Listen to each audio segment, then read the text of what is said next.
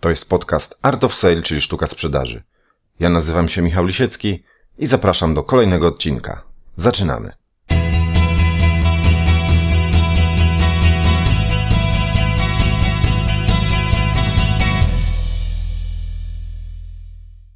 Witam wszystkich słuchaczy w kolejnym odcinku podcastu Art of Sale, czyli sztuka sprzedaży. W poprzednim odcinku prezentowałem pierwszą część mojego wykładu o storytellingu w biznesie. Dzisiaj, zgodnie z zapowiedzią, będzie druga część tego wykładu. Także bez zbędnych wstępów zapraszam Was na tą drugą część.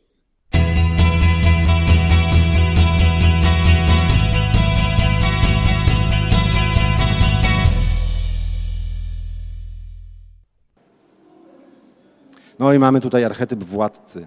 Bardzo poważny archetyp, reprezentuje go bardzo poważna marka Rolls-Royce, Rolex. Wszystkie te ekskluzywne marki, które, które mówią jestem, ja rządzę, ja jestem władcą, ja jestem pewny siebie. Jeśli jeździsz Rolls-Royce'em, to sorry, ale nie możesz być niepewny siebie. Musisz pewnie kroczyć przez życie. No kimś takim jest Donald Trump, i znalazłoby się jeszcze 10 innych archetypów władcy, które mógłbym Wam pokazać, ale myślę, że Donald Trump bardzo dobrze to pokazuje. Mamy też archetyp opiekuna, czyli kogoś, kto bardziej troszczy się o innych niż o siebie, e, służy innym pomocą. E, wszystkie marki właściwie dziecięce na tym polegają, że to są marki nieprzeznaczone dla że jestem marką, tylko ja służę Tobie, żeby Twoje dziecko miało sucho w pieluszce, żeby Twoje dziecko miało co zjeść, miało co wypić. Taką marką jest też y, Angelina Jolie, która jeździ do Afryki, pomaga ludziom, adoptuje różne, nazwijmy to, sieroty z biednych krajów. I taką marką była też do, do chwili, właściwie no, była y, księżna Diana, ona nadal tak jest, pomimo tego, że już dawno nie żyje, ale nadal przez wiele osób jest uważana jako taka troskliwa matka, bo y, jej synowie, co prawda dorośli, ale wciąż pokazuje się archiwalne ujęcia, gdzie ona z tymi małymi chłopakami się bawi.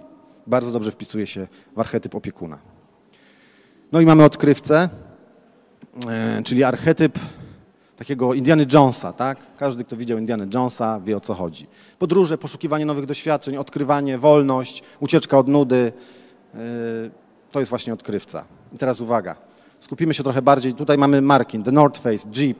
The North Face wiadomo, odzież dla podróżników. Wszystkie te odzieży, wszystkie te jakby linie produkcyjne, linie, linie marek y, odzieży tak zwanej podróżniczej, przygodowej wpisują się w archetyp odkrywcy. Y, jeżeli chodzi o osoby, Martyna Wojciechowska i Bear Grylls, człowiek, który więcej je robali niż normalnego jedzenia. Skupmy się troszkę na Martynie Wojciechowskiej, bo ona jest bardzo dobrym przykładem na naszym polskim podwórku. Zobaczcie, zdjęcia, które Wam teraz pokazuję, robiłem w centrach handlowych na przestrzeni jednego tygodnia. Zrobiłem je w dwóch, w dwóch centrach handlowych. Czyli jak widzicie są trzy zdjęcia, to znaczy, że dwa z nich pochodzą z jednego centrum handlowego.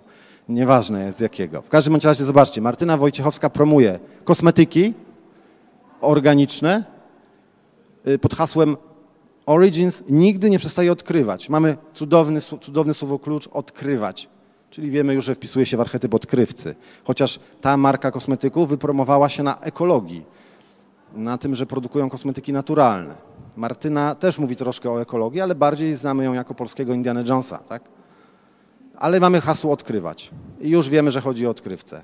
Martyna Wojciechowska promuje, jest ambasadorem marki Jack Wolfskin, czyli odzieży dla podróżników. I Martyna Wojciechowska, to jest to troszkę takie przewrotne, promuje biżuterię firmy Kruk, ale promuje pewną linię tych, tych, tych, tej biżuterii, która nazywa się freedom, wolność. Czyli znowu mamy słowo klucz, które wskazuje ewidentnie na archetyp odkrywcy. Mamy też archetyp stwórcy, czyli położony zostaje nacisk na rozwój umiejętności kreatywnych, artystycznych, klocki Lego, można zbudować z nich prawie wszystko. E, bardzo dobrze się tutaj wpisują kanon, Yes, you can, tak, takie mają hasło. Możesz zrobić takie zdjęcia, jakie ci się podoba. Możesz zostać zawodowym fotografem dzięki naszym aparatom. YouTube, dokładnie to samo. Możesz pokazać światu siebie takim, jakim naprawdę jesteś. Może lepiej tego nie rób. Ale możesz. Możesz tak zrobić. No i mamy Adele, czyli dziewczynę, która ze zwykłej nastolatki, o której nigdy nikt nie słyszał, dzięki własnym umiejętnościom wokalnym, teraz jest mega gwiazdą muzyki pop. Tak? To jest archetyp stwórcy. Przeszliśmy przez wszystkie archetypy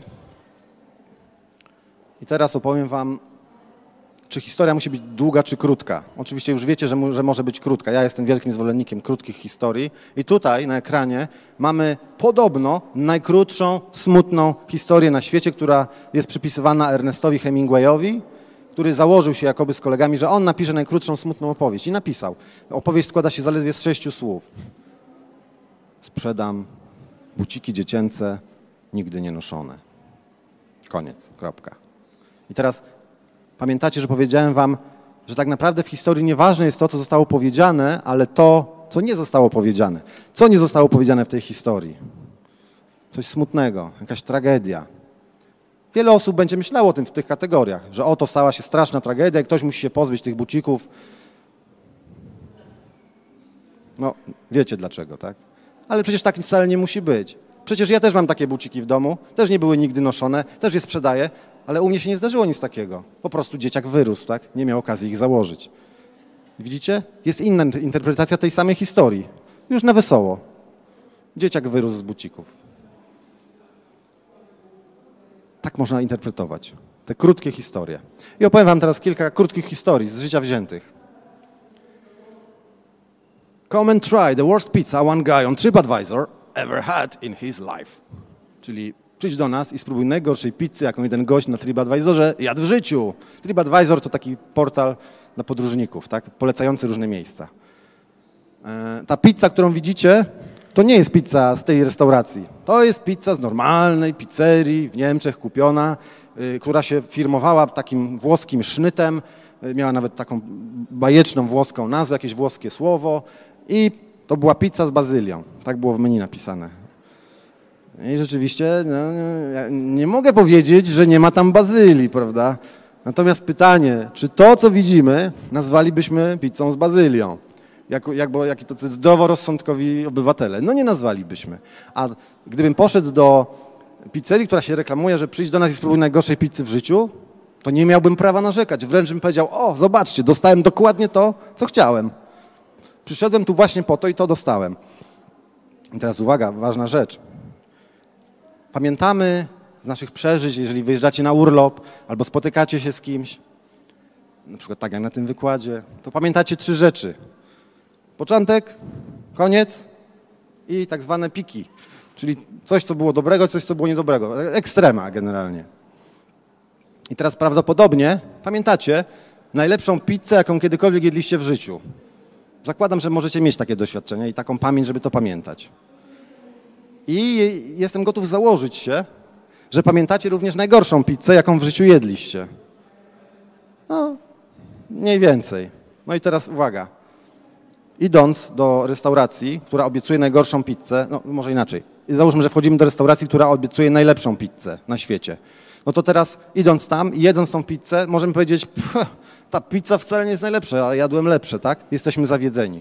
Jeżeli pójdziemy do restauracji, która opowiada historię, przyjdź do nas na najgorszą pizzę, jaką kiedykolwiek, kiedykolwiek jadłeś w życiu, to jeżeli ta pizza rzeczywiście będzie najgorsza, to pomyślimy, no, rzeczywiście, to była najgorsza pizza, jaką w życiu jadłem, jestem zadowolony.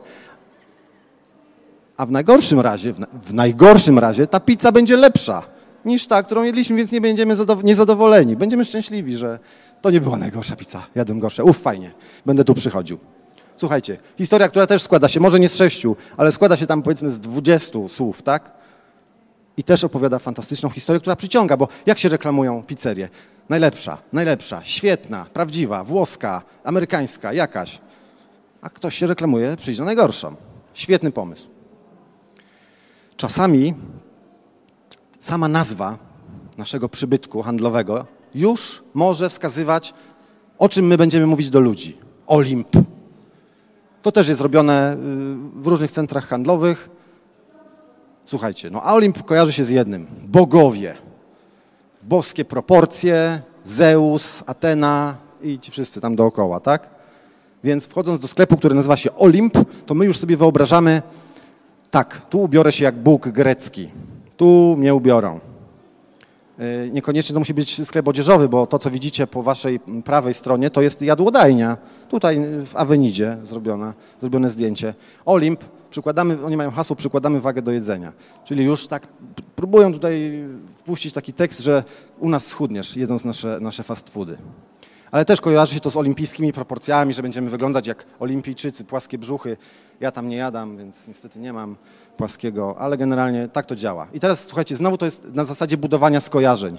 Oni mówią Olimp, my myślimy super, super, e, bogowie, proporcje, piękność, uroda i tak dalej, tak? Wystarczy jedno słowo, żeby pobudzić, żebyśmy sobie sami dopowiedzieli historię na ten temat. Tutaj dalsze, dalsze przykłady. Sfinks, tak? Sfinks kojarzy się nam z Egiptem. Jeżeli wchodzimy do restauracji, która kojarzy nam się z Egiptem, no to spodziewamy się jedzenia orientalnego. I tak też Sfinks oczywiście funkcjonuje. Jeśli wchodzimy do sklepu, który nazywa się Wenecja, no to czujemy się już prawie jak na gondoli na placu Świętego Marka w Wenecji. Notabene firma Wenecja jest jak najbardziej firmą polską. Nie ma nic wspólnego z Włochami oprócz nazwy. Tak jak wiele marek y, polskich, które mają zagranicznie, zagranicznie brzmiące nazwy. Żeby zbudować w nas pewne skojarzenia. Marka Witchen reklamuje się tą, tą, tą, tą nazwą, sprawiając wrażenie, że mówimy tu, nie wiem, Szwajcarzy, Niemcy, Austriacy. Jak Niemcy, to oczywiście niemieckie auta, jak niemieckie auta, to solidność, Witchen, solidność. Już zbudowało się w nas skojarzenie. Wenecja, wiadomo, Włochy. Jak Włochy, jak buty z Włoch, to najlepsze, bo wiadomo, wiadomo, że włoskie buty są najlepsze, włoscy projektanci są najlepsi. I na tym korzystają, na budowaniu takich skojarzeń korzystają przedsiębiorcy wymyślający nazwy dla swoich sklepów iPump. Ktoś próbuje tu podczepić się pod pociąg jadący z napisem Apple. W Poznaniu mamy taki sklep, y, wkładki do butów z nazwą iStopa. Sprawdźcie sobie, koło, koło ulicy Szyperskiej. Jest, jest sklep, który nazywa się iStopa. Czyli jesteśmy innowacyjni, znowu budujemy skojarzenia, jesteśmy innowacyjni, jesteśmy takim Applem wśród pomp, jesteśmy takim Applem wśród wkładek do butów. Co też może oznaczać, nie jesteśmy tani. Nie, jesteśmy aj, wiecie. To musi kosztować, ale jest dobre.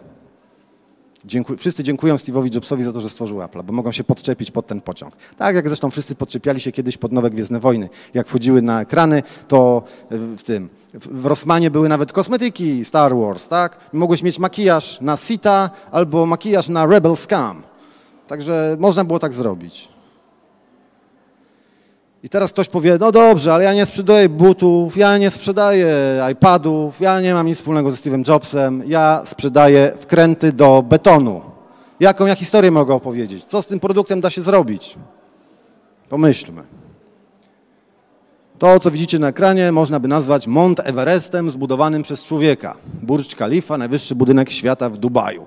No i słuchajcie, Ktoś to musiał zbudować, ktoś tam beton musiał dostarczyć. Jak ktoś dostarczał beton, to ktoś dostarczał również wkręty do betonu, tak? Jeżeli ktoś dostarczał wkręty do betonu do Burj Khalifa, najwyższego budynku świata, to on, jestem gotów obciąć sobie, dać obciąć sobie, już nieważne co, że on się reklamuje Burj Khalifa. Ja to zbudowałem.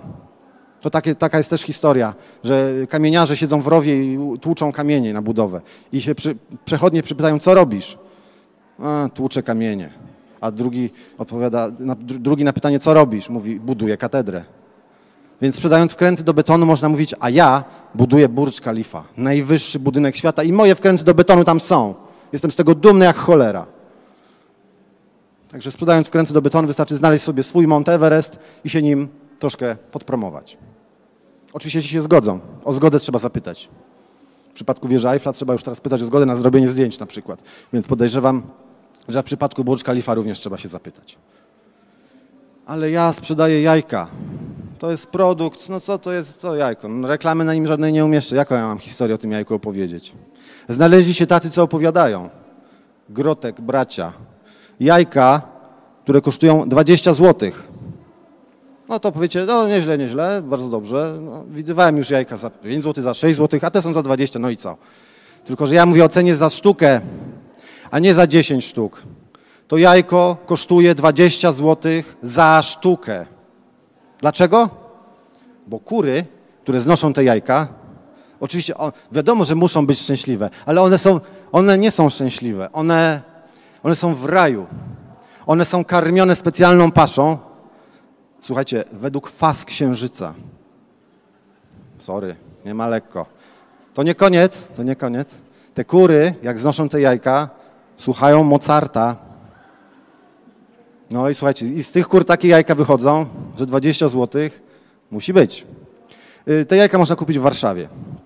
Ale uwaga, nie można tych jajek kupić. Trzeba się wpisać na listę oczekujących, bo te jajka są już sprzedane. Te wszystkie jajka są już, one już mają swoich odbiorców. Możecie się ewentualnie wpisać na listę rezerwową. Jakby ktoś zrezygnował z tamtych, to ewentualnie mogą was uwzględnić. To, to tak jakby ktoś pomyślał, nie, nie, ja bym nie kupił nigdy jajka za 20 zł. Ale są tacy, co kupują i się ustawiają w kolejkach, tworzą listy rezerwowe, listy społeczne. No i ta, tak dla, dla, dla już, żebyście się nie czuli tacy, tacy smutni, że was nie stać na takie jajka, w sensie może was stać, ale nie, nie stać was na to, żeby być na tej liście pierwszoplanowej. Powiem wam, że są tańsze jajka z tej samej firmy za 5 zł za sztukę. Pewnie, pewnie słuchają, nie wiem, może Bacha, nie Mozarta. Ale także można. Ale ja sprzedaję rury. Rury, zwykłe rury, no. Panie, no. Co ja mogę o rurach opowiedzieć? Że są rury okrągłe, że płynie w nich woda czy coś? Okej? Pomyślmy. To zdjęcie zrobiłem na targach takich branżowych, rurowo-pompowo-wodomierzowych. Pozdrawiam kolegów z pokoju 101. Yy, Już oni wiedzą o co chodzi, bo to idzie w internet. Yy, Rury reklamowane dinozaurem. Że dinozaur, najpotężniejszy dinozaur, jakiego zna ludzkość, T-Rex, król dinozaurów, o czym, na co wskazuje nazwa Rex, zgryza te rury i nie może. Nie może. Naprawdę mają hasło. To hasło po niemiecku brzmi, na tym można połamać sobie zęby. Nawet T-Rex nie dał mu rady, ale zobaczcie, jaka historia też przemawia przez to proste zdjęcie, że T-Rex już dawno zamienił się w kamień, wyginął, zginął, przepadł, a rura nadal funkcjonuje, nadal ma piękny niebieski kolor i płynie w niej piękna niebieska woda. Więc można taką historię wymyślić do zwykłych rur i też się tak promować. Na pewno jest to lepsze niż mówienie, nasze rury mają grubość 6 mm, wykonane są z plastiku tam PHD o właściwościach takich a takich, bo od razu włącza się lewa półkula i myślimy, nie, nie, nie, nie chcę tego słuchać. Ale jak mówimy, no i był sobie T-Rex, taki największy dinozaur, to już pobudza to naszą ciekawość. Ale ja sprzedaję kotlety, to jak mam teraz, jaką ja mam historię o kotletach opowiadać? Że co, że kotlety słuchały Mozarta, jak się smażyły? No nie mogę tak powiedzieć.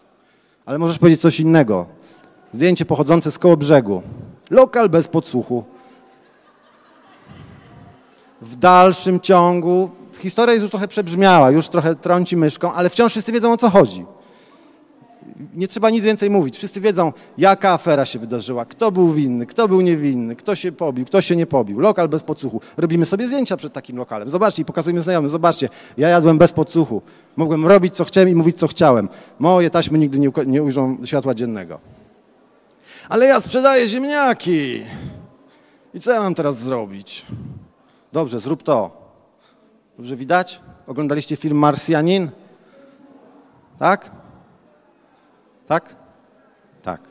To wiecie, jaką rolę odgrywały tam ziemniaki? Były kluczowym wprost elementem. I teraz sprzedawca ziemniaków, który powiesił sobie, to akurat nie jest moje zdjęcie, nie zrobiłem, nie zrobiłem tego ja, to nie jest z Polski, ale w Polsce by się też dobrze sprzedawało. Płyta DVD z filmem e, Marsjanin dołączona do zestawu ziemniaków. Bardzo dobry pomysł. I te ziemniaki już wcale nie muszą być wtedy tanie, tak? Bo dołączyliśmy do niej historię. Pamiętacie tą historię o e, dwóch naszyjnikach i Jacqueline Kennedy? A może to są te ziemniaki, które on sadził sobie tam na Marsie i przywiózł trochę tych sadzonek i wypuściliśmy nową linię ziemniaków. Ziemniaki z Marsa. Ale ja nie umiem wymyślać historii. No, nie umiem po prostu. Nigdy nie miałem takich zdolności. No to jak? Dobra. Słuchajcie, to musicie uzbroić się w lornetkę, notatnik, aparat. I mówię tu poważnie. E, W notatniku zapisujecie to, co zaobserwujecie. Lornetkę, żeby wypatrywać e, gdzieś e, z daleka i aparat, żeby jak będziecie gdzieś przechodzić, e, żeby robić zdjęcia. Zbierajcie historię. O tym będę mówił za chwilę. Także nawet jeżeli ktoś tak naprawdę nie umie sam wymyślać, to niech po pierwsze może się zapisać na kurs opowiadania historii, po drugie może zapytać kogoś, kto wie, a po trzecie może sam zbudować sobie bazę historii, korzystając z historii, które opowiadają inni. I też mieć pomysły na własne historie. Pamiętajcie, że, liczy, że są takie trzy elementy opowiadania historii. Jest oczywiście ta, cała ta historia, którą opowiadamy, ten, ta reklama Lufthansa, ale ona też, ważne jest, jak opowiadamy, ważny jest odbiorca. Inaczej będziemy mówić, gdyby tutaj siedzieli księża z seminarium, innych słów bym używał, inaczej jakby tu siedziały dzieci z przedszkola, inaczej jakby tu siedzieli, nie wiem, prezydenci G20, a inaczej mówię do publiczności taką, jaką jesteście wy. Tu mogę sobie pozwolić na bycie sobą, tak? Gdyby tu siedzieli prezydenci, to pewnie byłbym bardziej sztywny, byłbym w garniturze, inaczej bym to mówił. Tak samo, jeżeli mówicie coś do ludzi na YouTubie, to musicie mówić inaczej niż ja teraz mówię. Przez godzinę mogę sobie opowiadać. Myślicie, że ktoś będzie na YouTubie oglądał mój godzinny wykład od A do Z? Nie sądzę. Na YouTubie liczy się krótko, celnie, z humorem, czasami nawet z grubym słowem, tak? Także pamiętajcie, odbiorca jest ważny. No i oczywiście opowiadający jest ważny, że opowiadający to nie może być, wiecie, taki człowiek, który cicho mówi, nic nie słychać, co on w ogóle mówi, mówi bardzo ciekawie i bardzo tak niemonotonnie. Pamiętajcie, to jest ważne. Ten, ta triada jest bardzo ważna, musicie o tym pamiętać. I wtedy osiągniecie założony efekt.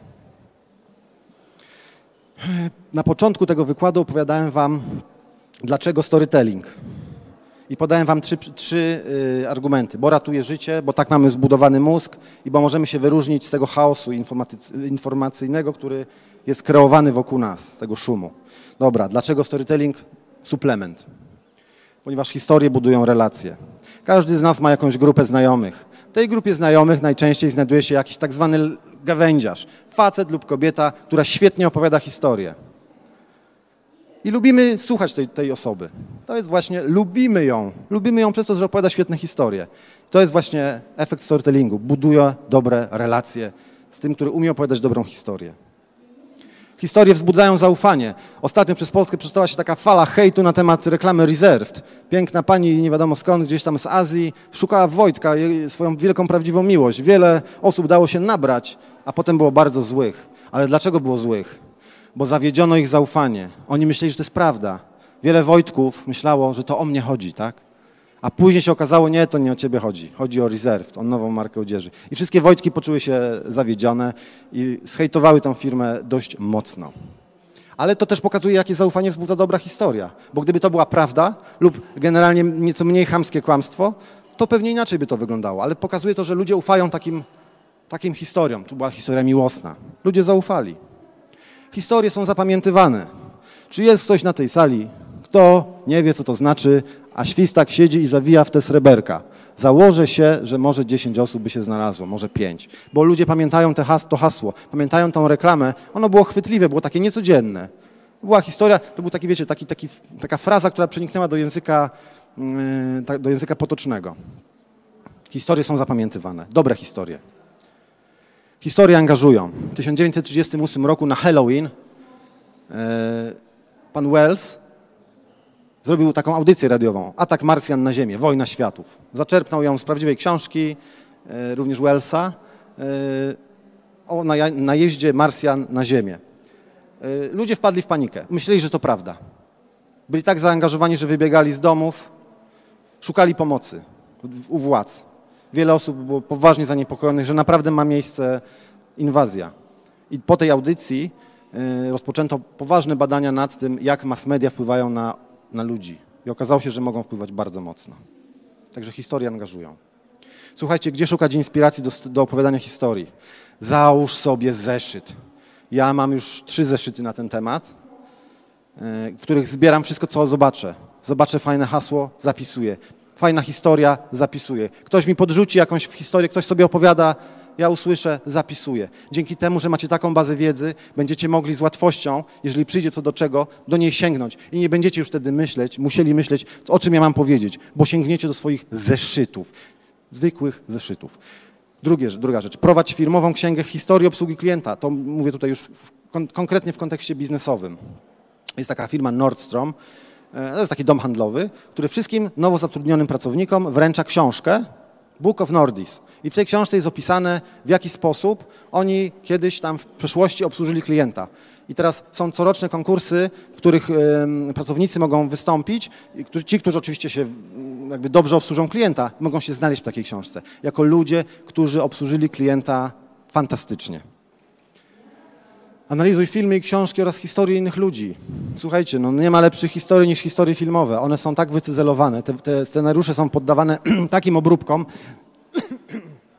że tam już nie ma nic innego oprócz świetnie opowiedzianej historii. A te najlepsze historie są nagradzane. Może nie tyle nawet Oscarami, co pamięta- tym, że są zapamiętywane. Angielski pacjent dostał 7 Oscarów, a uważam, że był bardzo nieciekawym filmem. ale były filmy, które nie dostały ani jednego skara, które pamiętam do dziś.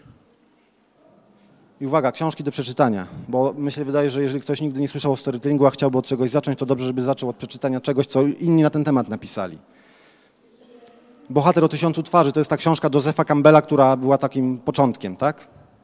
Od tego się zaczęło. Później podróż autora, czyli można powiedzieć bohater o tysiącu twarzy opowiedziana dla scenarzystów i pisarzy pod kątem budowania scenariuszy.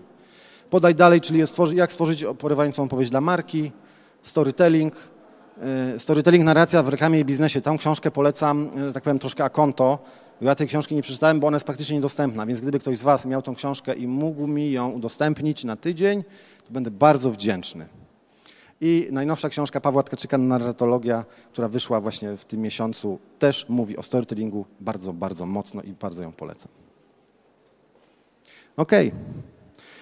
Słuchajcie, życzę Wam, żeby Wasze historie trafiały do ludzi, żebyście zamiast mówić, ja chcę jechać do Poznania i nikt się nie zatrzymuje, żebyście mówili, jadę do mamy na święta. I żeby wtedy wszyscy się wam zatrzymywali, żeby was podwozili tam, gdzie chcecie dotrzeć. Bardzo wam dziękuję za uwagę. Pozdrawiam.